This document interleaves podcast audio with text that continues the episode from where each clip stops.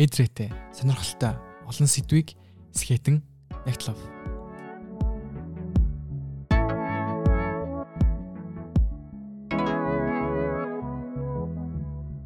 Орчин үеийн Герман улсыг хамгийн удаан буюу 16 жилийн турш удирдсан удирдагч болох Ангела Меркель үүрэгт ажиллаа хүлээлгэн өгч байгаа нь Европын хамгийн хүчрхэг тоглогчийн хувьд бүс нутагтаа болон цаашлаа дэлхийн ертөнцид олон өөрчлөлтийг авчрах нь лавтай. Иймэн учраас Нягтлаг подкастын ээлжид дугаараар өөрчлөлтийн энэ солигдлын талаар нягтлах хам ингээд Ангела Меркель гэж хэн бэ гэдэг асуултаар подкаста эхэлцгээе. Ангела Меркель нь 1957 оны 7 дугаар сарын 17-нд Баруун Герман улсын Хамбург хотод төрсэн боловч баг бахта автагаан хамт зүүн Герман руу нүүсэн байдаг. Харин боловсролын үед Меркель 1978 онд бакалаврын зэрэгээ физикийн мэрэгчлэр төгссөн бол 1986 онд квант химийн докторийн зэргийг хамгаалсан ийм бол хүн байдаг. Харин улс төрийн карьераа 1989 оны хоёр Германд одоо нэгдэж Берлиний хаан нуурах үедээ зэрэгцэн эхлүүлснээрээ их онцлогтой байдаг. Олгүй 1990 онд Меркель Бундестаг буюу Герман улсын парламентэд сонгогдсноор улс төрчийн замналаа албан ёсоор эхлүүлж байсан. Ангела Меркель нь яг ийм квант физикийн одоо зэргээр сурсан маш цөөхөн улс улс төрчдийн бол нэг гэж тооцогддог. Тэрээр ганцхан жилийн дараа буюу 1991 онд эмэгтэйчүүдийн болон залуучуудын яамны сайд болж 1994 онд байгаль орчин цөмийн аюулгүй байдлын яамны сайд болсон. Харин 1998 онд Меркелийн нам болох Христийн арчилсан холбоо сонгуульд ялагдсны дараа тэрээр тухайн намынхаа анхны эмэгтэй дараагаар ердөө 8хан жилийн дараа сонгогдсон байдаг. 2005 он тэрээр харин Герман улсын улс төрийн хамгийн албан хамгийн өндөр албан тушаал болох канцларын албан тушаал очиж түүх болон үлцээ гэдгийг ингэрч болсон байгаа даа. 1998 онд Меркелийн нам болох Христийн арчилсан холбоо сонгуульд ялгсны дараа тэрээр тухайн намынхаа анхны эмэгтэй дараагаар улс төрийн карьер ихнүүлснээс хойш ердөө 8 жилийн дараа сонгогдсон. 2005 он тэрээр Герман улсын улс төрийн хамгийн өндөр албан тушаал болох канцларын албан тушаал очиж ажиллах босныг одоо хүн болгон сайн мэдж байгаа бах. Deutschland, Deutschland, über alles, über гэр бүлийн хувьд Ангела Меркель одоо нэг нөхөртөөгөө буюу Йохим Сауер гэдэг одоо квант химч хүнтэй бол гэрэлсэн байдаг. Өмнө нь нэг удаа амьдалц госон боловч тухайн нөхрөөсөө салаад одоо хоёр дахь нөхөртөөгөө амьдарч байгаа ийм энгийн нэгэн эмэгтэй юм байна. Тэгэхээр ориглоо ингээд Ангела Меркелийн түүхийг сонсонгууд амьдралынхын замнал ялангуяа улс төрч болсон замнал нь нэлээд дардан байсан юм шиг сонсогдож байна л да. А гэтээ яг улс төрч болоод а Германы ялангуяа удирдагчаар ажиллаж исэн энэ хугацаанд тэр амаргүй бас дардан биш зам байсан болов уу гэж бодож байна. Тэгэхээр ямар ямар хэцүү бэрхшээлтэй замуудыг туулж тэдгээрийг давж гарсан талаар бид бүргүүл. Тэглээ ахаа яг Ангела Меркель улс төрч болсныхан дараа улс төрийн замнал маань яг улс төрч болохтойгоо өмнөх шигээ тийм дартан бол байгаагүй. Маш олон бэрхшээл, бартаасаад түүний ажил тулгарсан. Түүний одоо замнал буюу legacy-г ярихын тулд бид нэр заалчгүй одоо яалтчгүй crisis management буюу хямралын менежмент гэдэг зүйлийг заалгүй яаж шаардлагатай болдог. Тэр нь юу гэх юм бол Мерклийг төр байрж байх 16 жилийн хугацаанд цөөнгүү тоо хэмжээний улсын Европын холбооны бүр цаашлаа дэлхийн хэмжээний хямралууд ар араасаа тохиолдсон байдаг. Жишээлх юм бол бидний хамгийн сайн мэдж байгаагаар 2008 оны дэлхийн эдийн засгийн хямрал байна. Америкийн үл хөдлөх салбараас үүдэлтэй уг хямралын бүх улсуудыг тойроогүй болон дайраад гарсан. Үүний адилаар Герман улс гэсэн уг хямрал дүртөж ихээхэн охирол амссан байдаг. Европ ТV-ийн хамгийн том эдийн засаг гэдгээр уг хямралыг хөрл багтаа давахд хариуцлага бол Ангели Меркель болон түүний засгийн газарт их уучсан. Үр дүнд нь Герман улсын дотоодын нийт бүтээгдэхүүн яг 2008 оны улирал дөрөвдүгээр улиралд одоо маш их буурсан ч ажилгүйдэл бусад хөгжингөө улсуудтай харьцуулахад харьцангуй бага байснараа уг хямралыг бас боломжийн давсан гэж мэрэгчлэнд үздэг юм байна. А дараагийн хямрал нь Грекийн их өр байдаг. 2000 9 оны сүүлгээс эхлэн одоо 2008 оны түрүүний хэлсэн дэлхийн эдийн засгийн хямралаас үүдэлтэй Грекийн эдийн засаг хямарч эхэлсэн. Грек улс маань Европын холбооны одоо гишүүн улс учраас Грек улс дампуурал зарлах нь одоо зөвхөн Грект бусаашаад Европын Европын холбоонд маш их хор хөнөөлтөй, хор уршигтай байсан учраас тэр дундаа одоо Меркель одоо Германы засгийн газар Грекийг хямралаас гаргах ийм том ажлыг одоо халах тийм шаардлагатай болсон. Аа түүний тусламжтай одоо грек одоо Европ мөнгөний тэмдэгт болох Евро маань багш хэмжээний охирол амсгүйгээр ингээд цааш цааштай маш сайн эдийн засгийн амжилттай явсан гэж бол үздэг. За харин дараа нь 2015 онд болсон дөрвөслийн хямрал байдаг.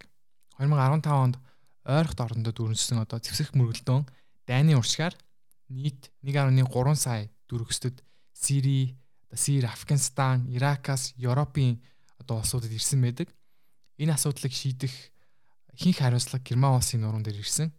Меркель тухайн үед өөрсдийнх нь одоо өөрийнх нь одоо улс төрийн карьерийг дуусгах болох маш том одоо хэцүү шийдвэрийг гаргаж Герман улсдаа 890 мянга орчим дөрвөсдийг хүлээж авснараа энэхүү одоо дөрвөсдийн хямралыг маш сайн давж тулсан гэж үл үздэг. За энэ бас маш их юм одоо тийм чухал шийдвэр болсон л да. Яг тэгэхээр Европын албаны бусад өөр улсууд тухайн дөрвөсдгийг авахгүй авмааргүй байна гэсэн шийдвэрийг гаргаж байхад маш зоригтойгоор Меркель түүний засгийн газар энэ олон дөрвөсдгийг Герман улстай хүлээж авсан байдаг.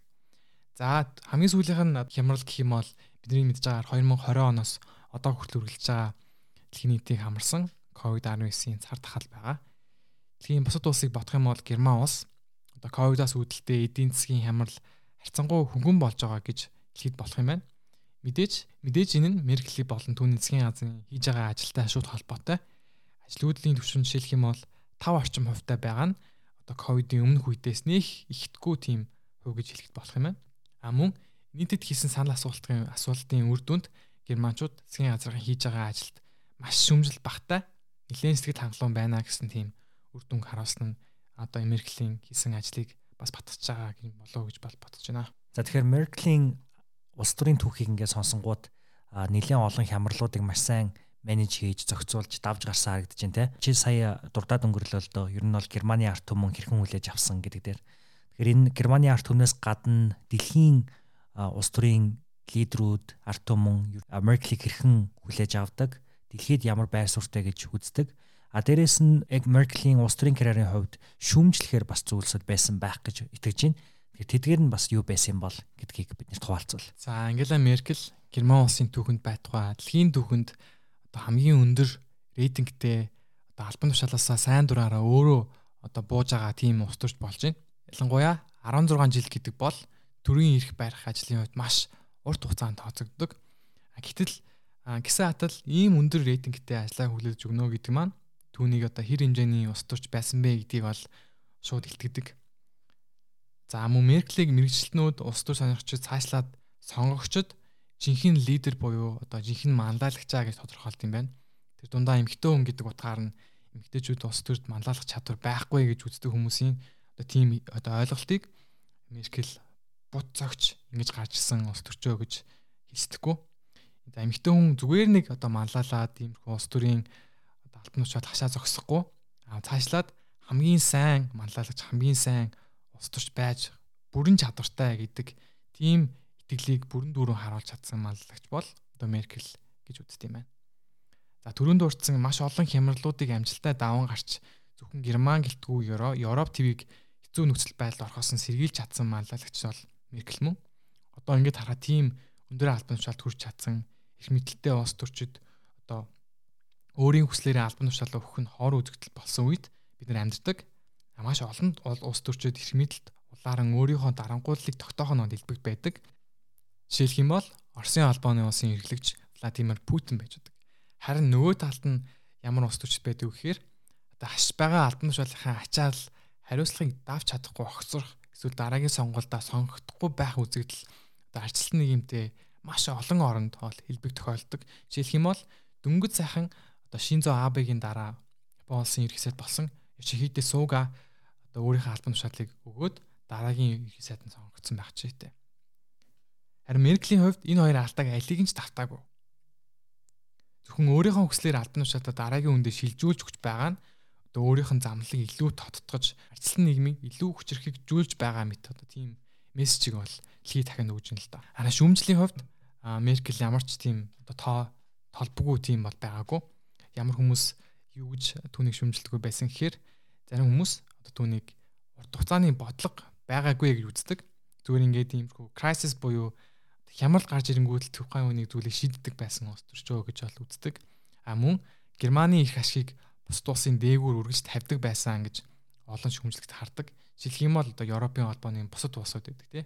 Одоо Франц, одоо Итали, Грек ч юм уу цаашлаад ингэ явах юм бол энэ усуудыг тухайлан авч үздэггүй зөвхөн Герман эхлээд явал яаж ам ашигтай байх вэ? Цаашаа энэ усууд руу ямар бодлого барих вэ гэж үздэг байсан юм байна гэж их шүүмжилдэг байна. А мөн хятадын эсрэг хатуу бодлого баримталж чадаагүй гэж зарим шүүмлэгч үздэг. Энэ юу гэсэн үг гэхээр одоо Америкийн нэгдсэн улсын эсрэг хийж байгаа хятадын худалдааны дайнд одоо Америкийг холбоотон улсын одоо хэмжээнд сайн дэмжлэг үзүүлж чадаагүй юм уу? Одоо хүний эрхийн эсрэг хийж байгаа маш олон гэмт хэргийн эсрэг хүчтэй дуурч чадаагүй гэж түүнийг бас үздэг юм байна. Тэгэхээр Герман улсын хувьд нэгэн одоо бүлэг хаагдаж бас нэгэн шинэ бүлэг нэгдэж байна. А процесс нь бол мэдээж хэрэг сонгуул байгаа. Тэгэхээр энэ сонгуул, энэ удирдлагаа солих, лидер солих процесс Герман улсад ер нь хэрхэн яаж өнгөрсөн талаар бид бүхэн сонирхолооч. Зүгээр Ангела Меркелийн одоо энэ үлдээсэн маш том орон зайг сонгуул Герман улсад саяхан буюу 2021 оны 9-р сарын 26-нд болж өнгөрсөн байна. Уг сонгуульд одоогийн канцлер Ангела Меркель мэдээж өрсөлдөө гэдгээрээ маш онцлог байсан бөгөөд энэ нь уг сонгуулийг маш өрсөлдөөнтэй болоход нөлөөлсөн юм байна. Уг сонгуульд хамгийн өвчтөе өрсөлдсөн 3 нам байсан юм байна. Энэ дотор SPD буюу нийгмийн арчилсан нам, одоо Ангела Меркелийн өөрийнх нам болох CDU буюу Христийн арчилсан холбоо, а мөн ногоо нам байсан. Уг өрсөлдөөн нийт одоо 25.7% саналыг одоо SPD нам авснаар ялт байгуулсан. Одоо тус тус намын хувьд 2005 оноос хойш хамгийн сайн үр дүнгээ үзүүлсэн юм сонгуул болсон юм байна. Харин Меркелийн их барь одоо эрх барьж байсан одоо CDU буюу одоо Христийн арчилсан холбоо нь нийт саналын 24.1%-ийг авснаар одоо 2017 онд 32.9% санал авсан үгээс одоо эрс буурсан тийм үзүүлэлтийг гаргасан байна. Харин ногоо намын хувьд юм бол 14.8% саналыг авснаар одоо намынхаа түүхэнд байгаагүй тийм сайн үзүүлэлтийг үзүүлсэн ч гэсэн сонгуульд бол хараахан ялж чадаагүй юм байна. Харин Ангела Меркелийг орлж Герман улсын дараагийн канцлераар хэн сонгогдох вэ гэдэг асуулт одоо хүртэл Герман улсын хүмүүсийн дунд байна. За уг асуултын харин харин Олаф Шолц буюу одоо нийгмийн арчилсан намын нэр дэвшигч баараггүй болоход болсон гэхэд хэлсдэхгүй. Олаф Шолц маань Ангела Меркелийн одоо дид канцлераар ажиллаж байсан юм дурслагтай. Түүний талаарх сонирхолтой баримт гэх юм бол түүнийг ерөөсөө л эрэгтэй Меркель гэдэг юм байна. Ягаад тэгэхээр түүний компанид ажил дээр дэвшүүлсэн бодлого нь Ангела Меркелийнхтэй маш төстэй. Энэ гэхдээ яг өөр намынх одоо арай илүү зүүнийг баримталсан намынх мөртлөө маш төстэй байгаа нь а энэ одоо тухайн Олаф Шолцын баримталж байгаа сонгуулийн компанид ажлын одоо зорилго стратеги гэж ойлгож болж байна. А мөн бас нэг тухайн одоо а мөн Шолцын хийдэг нэг зүйл нь юу гэхээр Меркелийн хийдэг гарын хөдөлгөөнийг маш сайтлан дүүрээдэг нь олон тохиолдолд харагдсан. Энэ юу гэхээр гараа одоо гуравт гурвалжин болгоод ингэж барьдаг өөрийнхөө урдаа. Тэр энийг бол Олоф Шолц маш олон хийж байгаараа камер төрсэн байдаг. Маш сонирхолтой байт юм байна. За түүний сонгогдсон том шалтгаан юу вэ гэхээр германчууд Меркелийн хэрэгжүүлсэн ажлыг үргэлжлүүлэх тийм сонирхол маш их байсан. А мөн одоо Меркель шиг энэ орон зайг хинч нөхөж чадахгүй байх болов гэсэн тийм айц байсан учраас аль болох одоо Мерклийн хэрэг сонгож чадахгүй маа гэхэд түүнтэй хамгийн адилхан дараагийн нэр дэвшиж хинбэ гэдгийг бид нэр маш их германчууд харсан юм байна. Энэ учраас одоо Олаф Шулц дараагийн Германы чанслаар болоход маш их ойрцсон байна гэж хэлж болж байна. Тэгэхээр түүний тухайас жоохон хувийн талаар ингээд танилцуулахад 1958 онд 6 дугаар сарын 14-нд Германы Оснабург хотод төрсөн. 1984 онд Хамбургийн их сургуульд хуулийн чиглэлээр сурч төгсөөд 1998 онд Бундестаг цогцолдож улс төрийн гараагаа эхлүүлж байсан хэрэг юм байна. 2007-оос 2009 онд хөтөлбөрийн яамны сайдаар ажиллаж исэн туршлагатай. 2011-ээс 2018 онд харин Хамбург хотын дараагаар ажиллаж исэн туршлагатай юм байна. 2018-аас хойш одоо хүртэл сангийн яамны сайдаар ажиллаж исэн юм байна. Тэгээ сангийн яамны сайдаар ажиллаж байхдаа мань хүн одоо шаардлагагүй тохиолдолд төсвийг аль болох танах одоо шаардлагагүй зүйл мөнгийг өрөхгүй байх юм бодлого барьдаг байсан байна. Тэгэхээр бүсээ их маш хангалдаг байсан гэж ойлгож болно. Тэгээ улс төр сонирхчид түүний болохоор маш уйдгартай predictable буюу одоо юу хийх гэж байгаа нь маш тодорхой тийм хүн гэж төсөлдөг байсан юм байна. За тэгэхээр Ангела Меркель ингээд 16 жилийн улс төрийн замналыг өндөрлүүлээд дараагийн хүндээ ажиллаа шилжүүлж өгч байгаа нэг түүхэн үйл явдал бид нар гэрч болж байна. Тэгэхээр Герман улсын ирээдүйн харин ямар байх вэ? Ямар ирээдүй Герман улс болон Европын холбоог цаашлаад дэлхийн техник хүлээж байгаа гэдэг асуулт одоо хүн болгоны бодол төр байгаа бах. Тэгэхээр билүүнэ Герман улсыг ямар ирээдүй хүлээж байгаа лаа. За Меркель Герман улсын түүхэнд байгаагүй нэр хүндтэй мөн тэр хэмжээний орон зайг үлдээсэн лидер болж чадсан учраас Меркельгүй Герман улс ямар байх вэ гэсэн асуулт бол Германд гэлтгүй Европын холбоо цаашлаад Герман улсын маш олон түнш улсуудад санаа зовоосон асуулт бол болж байгаа. Герман улсын манлайлал Европын холбоонд уг тэмээ хамгийн том эдийн засаг гэдэг утгаараа маш том нөлөөтэй байдаг. Тэм ч учраас доктортой улс төр эдийн засагтай Герман улс Европын холбооны цаашдын эдийн засаг улс төрийн хөгжил дэвшил аюулгүй байдал мөн доктортой хөгжилд маш чухал үүрэг гүйцэтгэдэг гэдгийг дахин санаалдаггүй бизээ. За тэгэхээр энэ асуултанд бас илүү дэлгэрэнгүй хариулахын тулд яг Германыг ямар асуудлууд хүлээж байгаа вэ гэдгийг ярих зүйтэй баг. Тэгэхээр нэгэн сонирхолтой харах үнцгийг санал болгох юм бол Германд нүүр тулгарч буй асуудлыг ойлгохын тулд машиных нь хөгжлийг харах хэрэгтэй гэдэг энэ нэг юм санааг би саяхан олж харсан. Тэгэхээр зэрэг бид бүхний сайн мэдэх машины брэндүүд болох Mercedes-Benz, BMW, Audi зэрэг машинууд бүгд герман машинууд гэдэг бид нэр сайн мэднэ. Машины үйлдвэрлэл нь Германы эдийн засгийн чухал сектор. Учир нь Германы хөрөнгө хүч чадал нэмэгдэхин хэрээр Германы машины сектор мөн адил өсөд дэвдсээр байдаг гэж ерөнхийдөө бол хөгжлийн түүхээс харагддаг. Бид бүхэн герман чанар гэж их ярьдаг шүү дээ. Ерөнхийдөө бол Германы үйлдвэрлэж байгаа зүйлсийн чанар нь дээд зэрэгт байдаг гэдэг утгаар ингэж хэлдэг. Машины үйлдвэрлэгч тэр Германд үнэхээр чанар дээр анхаардаг учраас дэлхийд дахин танигдсан олон брэндүүдийг бий болгож чадсан. 2000-аад онд дэлхийн хамгийн өндөр үнэлгээтэй 100 компани тэргүүлэгч 7 компани Германых байсан бол 20 жилийн дараа өдөд энэ тоо 3 болж буурсан байгаа. Энэ орон зайгаа иргэн нөхөх гэж Германы машины үйлдвэрлэл хичээсээр байгаа нь Германы эдийн засгийг бүхэлдээ толдохтой адил гэж үзэж болно. Герман улсын нийт дотоодын нийт бүтээгдэхүүний хагасыг экспорт эзэлдэг, машиныхын үйлдвэрлэл үүнд хамгийн чухал том байр суурийг эзэлдэг. Иймд Германы хувьд хин маш хинд машина зарна гэдэг нь нэн чухал. 2016 оноос ахуулаад Германы хамгийн том худалдааны түнш нь Хятад улс болж хувирсан байдаг. 1998 онд Германаас Хятадд худалдаалж буй бүтээгт бүтээгдэхүүнийг 16 тэрбум доллараар хэмжиж байсан бол өнөөдөр 180 тэрбум доллар буюу 100 гаруйд энэ тоо ихссэн байгаа юм. Энэ нь Герман улс Хятадын зах зээлд хэд хамааралтай болчихсон байх вэ гэсэн эрсдэл айцыг бол дагуулж байгаа. За Хятад Америкийн хооронд үүсэж буй хинэн дэлхийн тэргүүлэгч байх вэ гэсэн тулаан өдрөөс өдөрт эцэгтэй болж буй энэ үед бүх өндгөө хятад гэдэг сагсанд байршуулах нь геополитик, геоэкономикийн хувьд эрсдэлтэй байх вэ гэж шинжээчд Германд анхааруулж эхлэх болоод байгаа. Иймд Германы шинэ удирдагч яг л машины худалдаа шиг Германы эдийн засгийн хамгийн том хамтрагчтай хит хамааралт хит хамааралтай боллгүйгээр энэ харилцаагаа хэрхэн хадгалж үлдэх вэ гэдэг асуудалтай бол нүүр тулж байгаа юм байна. Билгүнээ чи түрүүн хэллээ те Герман улс маань эдийн засгийн маш том одоо байр суурийг эзэлдэг зүйл нь үйлдвэрлэл. Харин одоо дэлхийд дахинд ямар одоо чиглэл рүү явж байгаа хэрлүү дижитал болоод бүх юм дижиталцсан те. Биткойноор яаж мөнгө олох уу эthereum-аар яаж мөнгө олох уу блокчейн гэж юу юм те? Одоо сошиал медиа ийм бизнесүүд гарч үж байгаа үед герман улсад одоо энэ зам хаана явж байна? Ямар байр суурь эзэлж байна гэдэг сонирхол татж байна л да. Тэлгүй яг хаа тэгэхээр герман улсын хувьд бол энэ хамгийн том асуудал болоод байгаа. Герман дижитал үндэстэн болох чадах уу гэдэг энэ асуулт бол германы өмнө тулгараад байгаа түрүүн дурдж байсанчлан герман чанар гэхээр бид герман бүтээгдэхүүний үйлдвэрлэлийн чанарыг л сандаг. Гэхдээ бид герман гэж бодохоор тус улсыг хизээж дижитал инновацтай холбож боддгоо. Үргэлжлүүлээд германы машинаар нь зөвлөх юм бол герман машины онцлог давуу тал нь инженеруудын шийдэл тэдний чадвараас бий болсон бат бөх үзэсгэлэнтэй дизайнд бол оршдог гэж үздэг. А иймд герман машины хувьд дижитал хэрэглээ нь үргэлжийн 2 3 дахь чухал асуудал босоор ирсэн байдаг буюу үнэн дээр тийм ч их анхаарал өгөөгүй байдаг зүйл нь яг л герман улсад бас яг адилхан жишээ бол ажиглагддаг. Германы хувьд цар тахлаас өмнө барууны хөгжингийн орнуудад аль хэдийн хэрэглэнээс гараад байгаа факс машинуудыг бизнесүүдийн 3-ны 2 нь бол үргэлжлүүлж хэрэглэсээр байсан байдаг байна. Мөн өнөөгийн 3 герман компани бүрийн ерөөсөө нэг нь л дижитал төлөвлөгөө стратегтэй байдаг юм тоо байдаг юм байна.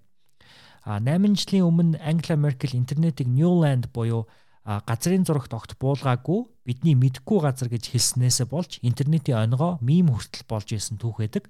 Иймд Германы дараагийн удирдагч түүний засгийн газар яхан аргагүй илүү дижитал ертөнцтэй ойрхон байх шаардлага Германд үүсэж байна. Учир нь Германы нийгэм эдийн засаг нь үнэхээр дижитал өөрчлөлт өсөлт дэвшилтийг өгүүлж байгаа ажээ. Герман улс болон дэлхийд дахны одоо бүх улсыг толгойн өвчин болж байгаа дараагийн 50 жилд 100 жилд бодох шийдэх энэ асуудал юу вэ гэхээр цаг үеийн өөрчлөлт байгаа. Герман улс ч гэсэн цаг үеийн өөрчлөлтийн асуудал дээр нэлээд одоо манлайлагч болж ажилладаг. Тэр энэ тал дээр одоо Германы ирээдүйн бодлого хаашаа чиглэж байгаа вэ? Хаашаа явж байгаа гэдэг тал дээр хэлхний бас мэдээлэл өгдөг өгөөрэй. За тэгэхээр Merkel-ийн бас хамгийн сүүлийн үед нөгөө хямралын зохицуулалт хийхдээ бас нэгэн өмнө тулгарсан асуудал бол Герман болон Бельгид болсон их хэмжээний үер агаад байгаа. Шинжээчний үзэж байгаагаар энэ их хэмжээний үер юунаас болсон бэ гэхээр мэдээж хэрэг байгаль цаг уурын өөрчлөлт. Дэлхийн хамгийн их байгаль цаг уурын өөрчлөлтөд санаа зовдөг ард түмэн бол Герман гэсэн судалгаа хүртэл байд юм байна. Тэгэхээр иймд Германы дараагийн удирдагч үүнд хамгийн гол анхаарлаа хандуулах шаардлага үүсэж байна. Төрөүний нөгөө сонгуулийн дүн харж байхад ногоо намч гэсэндээ өмнө үзүүлж байгаагүй амжилт үзүүлсэн гэдэг нь бас энэтэй холбоотой ах тийм.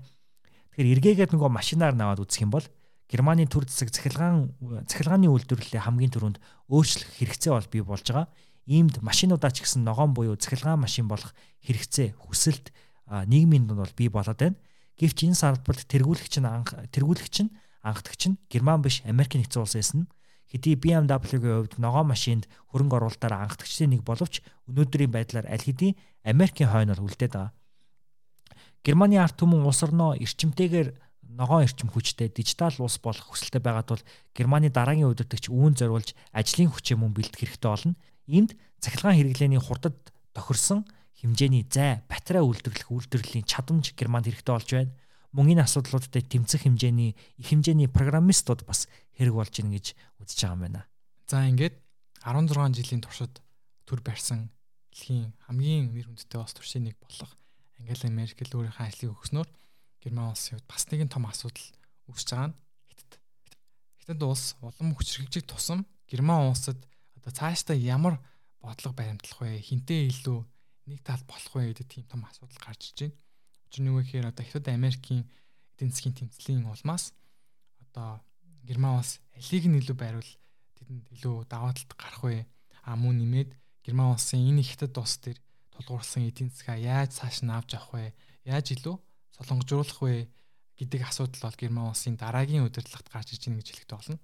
А мөн нэмээд дэлхийн дахны тавцан дээр Европын холбоо мөн Герман улсын холбоотон улсууд одоо Европын холбооны лидер улсын хувьд ямар байр суурь, ямар бодлого баримтлах вэ гэдэг маань Ангели Меркелийн ажил биш болсон. Харин дараагийн удирдгчийн ажил болоод байна. Тэгэхээр герман хэлэнд Cut гэдэг үг байдаг юм байна. Би энийг маш буруу хэлж магадгүй. Гэхдээ энэ үг нь юу гэсэн утгатай үг вэ гэхээр ирээдүйдээ нүүр тулах чадвар гэсэн үг юм байна.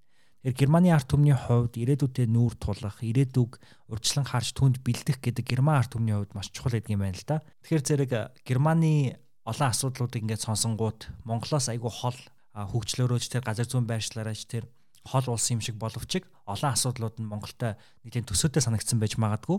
Жишээ нь хятадаас хэд хамааралтай байдал.